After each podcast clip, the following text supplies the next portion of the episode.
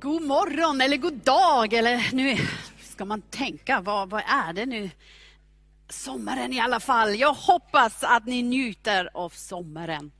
Njuter av solen och värme och, och att ni har tid att bara vara, eller hur? Det, det, vill man. Och när man, när man vara, bara eller bara vara, då händer saker med oss. Ibland tänker man sig långt borta och ibland har man olika idéer. Och jag vill börja min predikan med en kort liten övning. Har ni papper och penna tillgänglig eller en telefon och en app där ni kan skriva någonting, då vill jag att ni skriver ner två drömmar för ditt liv. Drömmar som du har. Du vet, det kan vara för dig själv, för framtiden, kanske drömmar för din familj, för din jobb, relation som du står in eller en tjänst som du står in, en, en dröm, en vision som du har. Vilket område som helst. Så jag, jag kommer att prata lite så att du har lite tid att skriva ner de saker. Du vet, jag vet ju att vi har alla drömmar. Alltså ingen kan säga jag har aldrig drömt att nå någonting eller, eller hade en idé och skulle så gärna. Jag tror att alla ha drömmar. Men så ofta känner vi att vi inte har rätt att kanske ha dem. Eller vi tänker att de är för extravaganta, de är för stort, de är för over the top.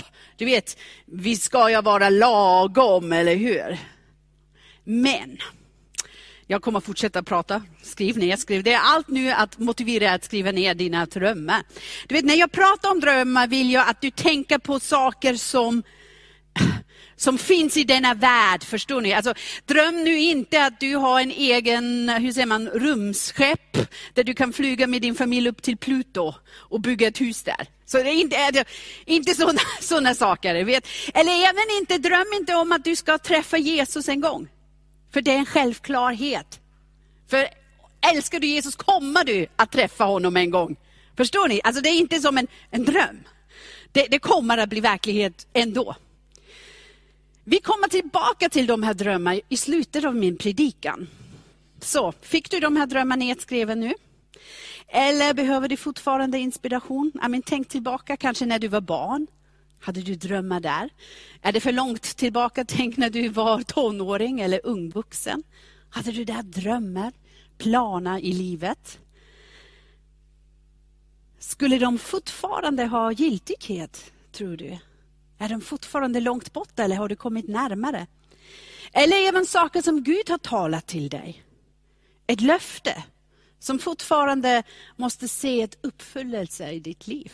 Skriv ner dem.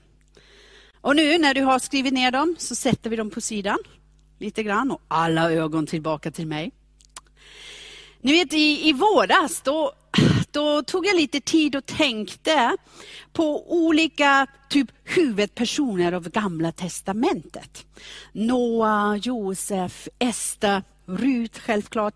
Och jag blev lite intresserad på hur deras liv utvecklades i olika faser. Ibland då, då ser vi bara det här häftiga som de har gjort, eller hur? Noas ark ser vi och Josef eh, när han var eh, den, den, den näst mäktigaste i Egypten. Eller vi ser Ester hur hon räddade hela uh, judiska folket. Man ser bara de här stora sakerna. Men jag tänkte lite grann, vad var de här faser som de gick igenom i deras liv? Och det var det Moses som jag fastnade lite grann och jag tänkte lite mer och jag såg någonting som verkligen fascinerade mig. Så jag vill ta er med på en resa, en, en Moses resa egentligen. Och nu pratar jag inte om de här 40 år där han kampade i en öken. Du vet. Eh, och bara sprang runt samma berg igen och igen och igen. Inte den här resan, jag menar verkligen hans livsresa. Från början. Är ni med? För den är spännande, för där ser man hur han rörde sig hela tiden mellan omöjligheter och möjligheter. Det var som fram och tillbaka, fram och tillbaka. Det var, ibland så var det som en riktigt flyttlastbil och verkligen bokstavligen miljoner människor var med honom när han flyttade från den ena till den andra. Och ibland var han helt ensamt och på flykt. Och Gud, han ledde mig till att fundera hur dessa sfärer av möjligheter och omöjligheter, de, de finns i våra liv hela tiden. Och jag tror att du vet vad jag pratar om, för ibland, ibland ser livet riktigt bra ut. Ibland då känns det att man har allt under kontroll, att det går jättesmidigt. Och plötsligt kan det växla till total kaos och inte har jag en aning om hur jag ska klara mig. Så man, man tänker allt är möjligt till ingenting är möjligt. Allt är omöjligt. Men Gud, och ni vet jag, jag älskar jag de här två ord tillsammans. Men Gud, de, de har kraft. För det är faktiskt verkligen så. Gud använder de här olika hur säger man, sfärer för att alltid flytta oss framåt. Även om det kanske inte alltid ser ut som det. Så är du redo nu att resa med mig genom Moses liv i high speed eller hög hastighet? Gör vi det nu. Om du vill läsa lite mer noggrant då ska du börja på, eller i andra Moseboken kapitel 1 och framåt. Ni vet den här omöjliga situationen, den ser vi redan när Moses föddes. Hans födelse säger man, precis. Det var typ en omöjlig situation. I han föddes in i ett folk som alla var slavar. Han, han var hotad till döds när han föddes. Det var faraon som bestämde att alla, alla pojkar som föddes nu ska bara dödas. Och så, så tänkte Gud sig, nej men jag måste ge han, han en, hur säger man, en, en huh, vehicle. Nu, vad är det, en vehicle? En transportmedel för att ta honom ut av den omöjliga situationen. Och då tänker jag lite grann, men Gud, det ska vara en tryggt transportmedel. Nej, Gud lägger honom in i ett vävt korg på floden Nil. Alltså vem vill simma i den här floden? I mean, krokodiler och allt möjligt. Men genom en så en transportmedel så plötsligt blir han fiskad ut. Och han växer upp i faraos palats. Och så tänker vi säkert alla, men nu det var ju Gud, vad underbart. Nu är han i faraos palats, bästa platsen, perfekta omgivningen för, för Moses. Men eftersom vi skulle betrakta faraos uh, hushåll som den platsen där man får vad? Bästa utbildningen. Platsen med de viktigaste inflytande, uh, inflytande i politik och beslutfattningen, eller hur? I mean, det är den här platsen där man har bästa nätverket till de rika och berömda i hela landet. Och allt du behöver, I mean, allt du behöver för att ha ett bekvämt och sorgfri liv. Wow! Vilken grej att han växte upp där. Och det känns så att han har landat i den perfekta omgivningen där han kan vända historien för Guds folk. Och allt kommer att vara möjligt nu, eller hur? Så tänker vi. Men så var det inte i Guds ögon. Gud tittade på Mose och tänkte, hmm, nej, det här, det här är inte möjligt. Gud behövde ta bort honom från dessa mänskliga, perfekta möjligheter. Varför? Låt mig ge dig några därför. Och det första är, det möjliga kan bara hända när du är helt beroende av Gud. Inte av någon annan eller av dig själv. Det möjliga kan bara hända när du är helt beroende av Gud. Du vet, Moses kan ha byggt sin strävan på sina egna fördelar och kapaciteter, snarare än att underordna sig Gud. Om vi bedömer de situationer vi befinner oss egentligen, eller enligt vår uppfattning om vad som är möjligt, då kan vi göra allt fel. Det är inte din utbildning, din inflytande i samhället, hur väl du är etablerad med de mäktiga, eller vilken bra start du hade i ditt liv som banar din väg till Guds syfte för ditt liv. Gud behöver att du ska vara på en plats i livet med fullständigt beroende av honom. Det är på den plats där allt blir möjligt. Har jag ett hår här? Så Gud flyttade Moses ut ur det möjliga till en, för vår mänskliga uppfattning, omöjlig omgivning. I mean, det är som världens ände kan man säga. Det är primitivt. Och allt inflytande han fick var över en fårjord. Det var det. Hans rike. Ja, det var där han byggde upp sin familj, där i, i Midjan. Och för oss då ser det ut som ett steg tillbaka, eller hur? Ett slöseri med tid och möjligheter. Gud. Men Gud. Men Gud, han behövde förbereda Moses för, de, för de möjligheter som kommer att ligga framför honom.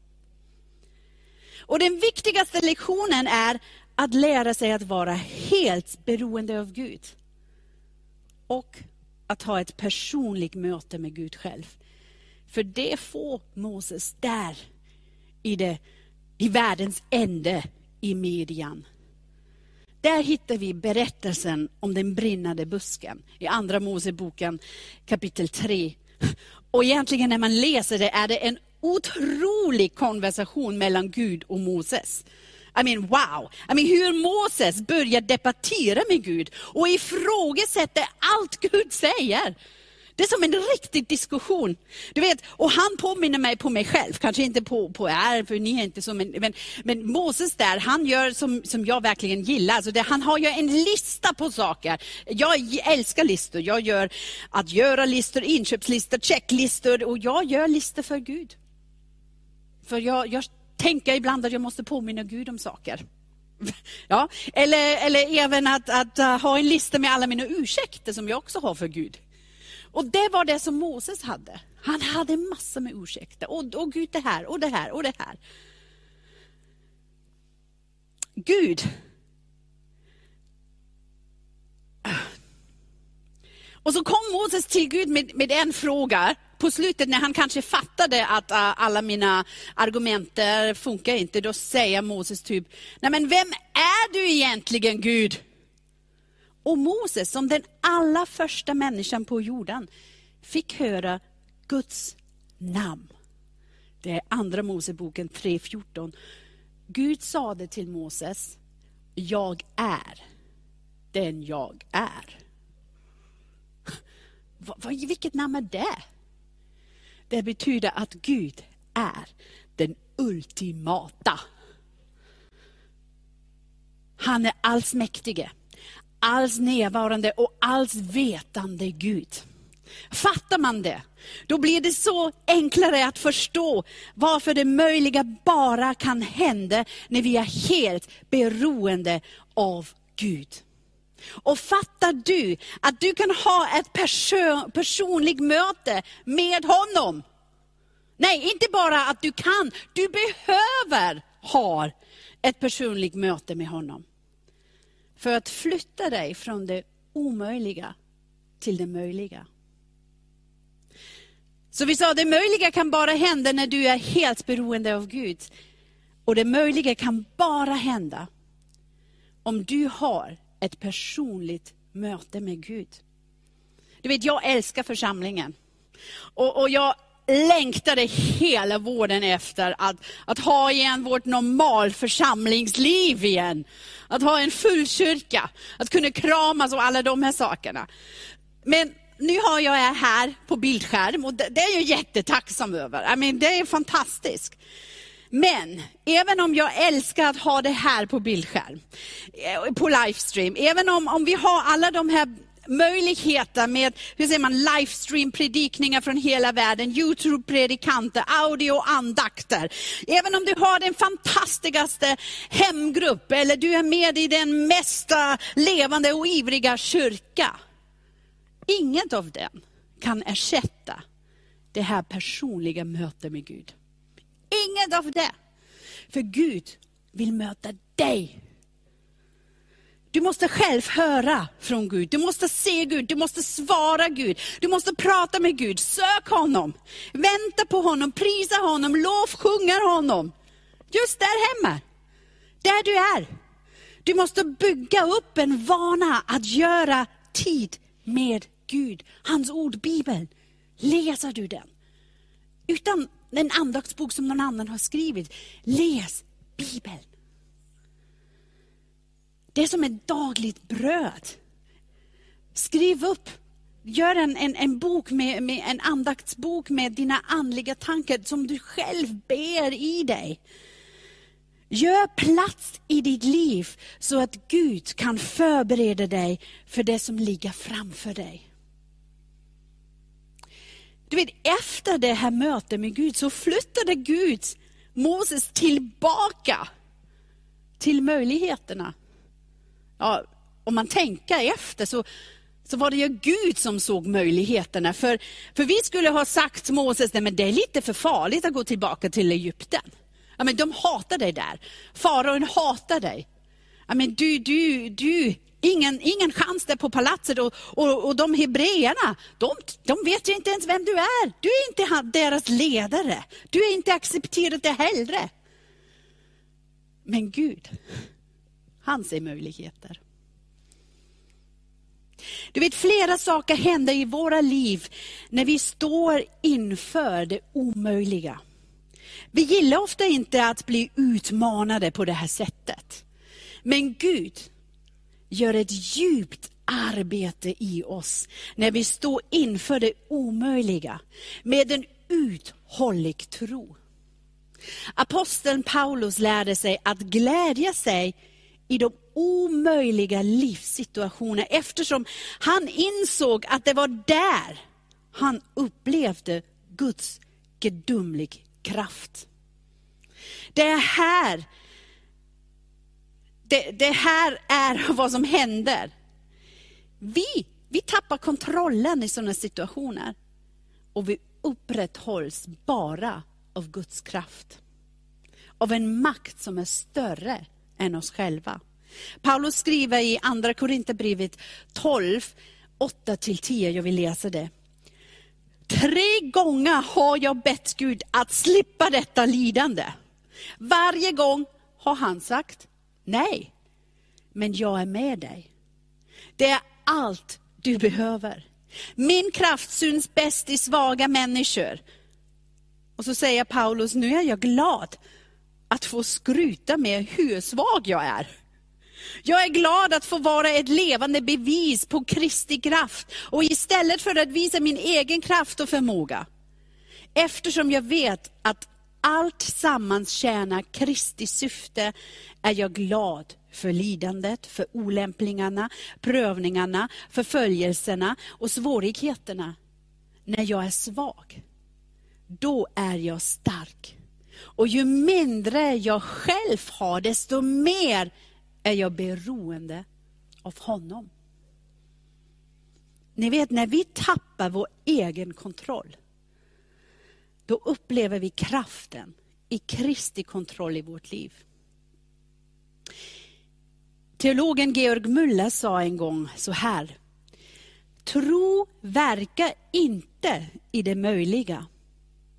Det finns ingen härlighet för Gud i det som är mänskligt möjligt. Tron börjar där människans makt slutar. Och det leder mig till min tredje därför. Det möjliga kan bara hända när din tro på Gud är större än din tro på dig själv. Låt oss titta lite mer i Guds ögon, snarare än att titta bara på oss själva. För när Gud ser på dig, ser han det möjliga. Och han vill att du ska fokusera på honom. Det konstiga är att kanske dina förhållanden eller din livssituation inte har förändrats ännu. Kanske din självkänsla inte har höjts särskilt mycket ännu. Kanske. Men glöm inte att du behöver tro på vem? Tro på dig själv Nej. Tro på Gud. Du känner dig fortfarande inte redo. Du vet att allt Gud behöver, det är du. Så som du är. Vad du har och hur tillgänglig du är för honom. För han vill ha dig. Du, när Moses i Andra Moseboken 4, i hans konversation med Gud, fortfarande tvekar hur alla kommer att reagera på honom, då frågade Gud honom en enkel fråga. Vad är det du har i din hand? frågade Herren honom. Och den enkla svar var, en herdestav. Och det var allt utrustning han behövde för att se fantastiska under. Något som redan fanns i sin hand. Du vet, när Gud skapade dig, då visste han allt som ligger i ditt liv. Och han känner dig och allt han behöver finns redan i dig. Du har redan det som Gud behöver för att ta dig framåt. Gud tror på att du är tillräckligt. Viktigt är att din tro på Gud är större än din tro på dig själv. Du kommer att se hur Gud väcker upp i dig tro för hur Gud skapade och utrustade dig. Och då börjar du se på dig mer och mer så som Kristus ser på dig. Och det har ingenting med högmod att göra. Det är verkligen att se sanningen om vem du är. Och då kommer du att fatta, det finns möjligheterna även i det omöjliga. För det är Gud som är med mig. Och då fattar du att det möjliga kommer att hända i ditt liv på grund av att du är helt beroende på Gud. På grund av att du har en personlig möte med Gud. Inte bara en gång i ditt liv, men att du söker honom igen och igen. Och på grund av att din tro på Gud är större än din tro på dig själv eller någon annan. Matteus 19, 26. Då läser vi om Jesus. Jesus såg på dem och sade, för människor är det omöjligt. Men för Gud är allting möjligt. Och med det här vill jag att, att du kommer tillbaka nu till de här drömmarna som jag bad dig att skriva upp. Du läser dem igen om du tar dem nu. Ja, men, tror du kanske att det nu inte är de drömmar du ska sträva efter. Det kan ju hända att du har skrivit upp drömmar och du tänker att ja, de är lite löjligt. Ja, men då ber du Gud att ge dig nya drömmar. För han har drömmar för dig. Du kanske har inte hört den än. Sök det här personliga kontakt och lyssna. Det kanske var så här att några av er läser dem och du vet, ja, jag väntar på det här. Det är Gud som, som verkligen gör någonting när jag läser de här drömmarna. Börja se möjligheter, för du är med Gud. Börja se vad Gud ser. Börja be för de här. Börja lägga ditt liv i Guds händerna. Och, och vänta på att se hur Gud tar dig framåt och framåt och hur det omöjliga blir möjligt. Jag vill be nu en bön. Gud, det är så helt fantastiskt att tänka att även om du är Gud för hela världen så ser du var och en enskild. Tack Herre att du är nu med var och en där, där vi är. Där vi är hemma, där, där här, överallt. Att du tittar på vårt liv och att du ser möjligheter. Du ser saker redan som, som är långt borta. Men Herre, Hjälp oss att komma närmare dig. Att vi kan verkligen sitta i den här skuggan av dig och att vi kan, kan verkligen vänta och se vad du gör i vårt liv med oss Herre. Och Herre, hjälp oss att sträva och längta efter att vara helt beroende på dig. Att ha det här mötet med dig varje dag. Att leva i den här flödet där vi vill höra från dig Herre. Och Herre, låt oss verkligen tro på dig. Tro på din allsmakt. Tro på att du har allt som jag behöver. Herre, tack att vi får komma till dig. Tack att vi får vara ditt barn. Tack att du är vår fader. Och att, att allt är möjligt hos dig Herre. Och nu ber jag för dem som står i livssituationer som, som ser verkligen hopplöst ut för dem Herre. Var deras ljus. Kom in nu Herre och låt dem se och uppleva hur du tar dem steg för steg till det möjliga. Herre, i Jesu namn ber vi att vi kan höra om under som kommer att ske. För vi lägger våra liv i dina händer. I Jesu namn. Amen. Amen.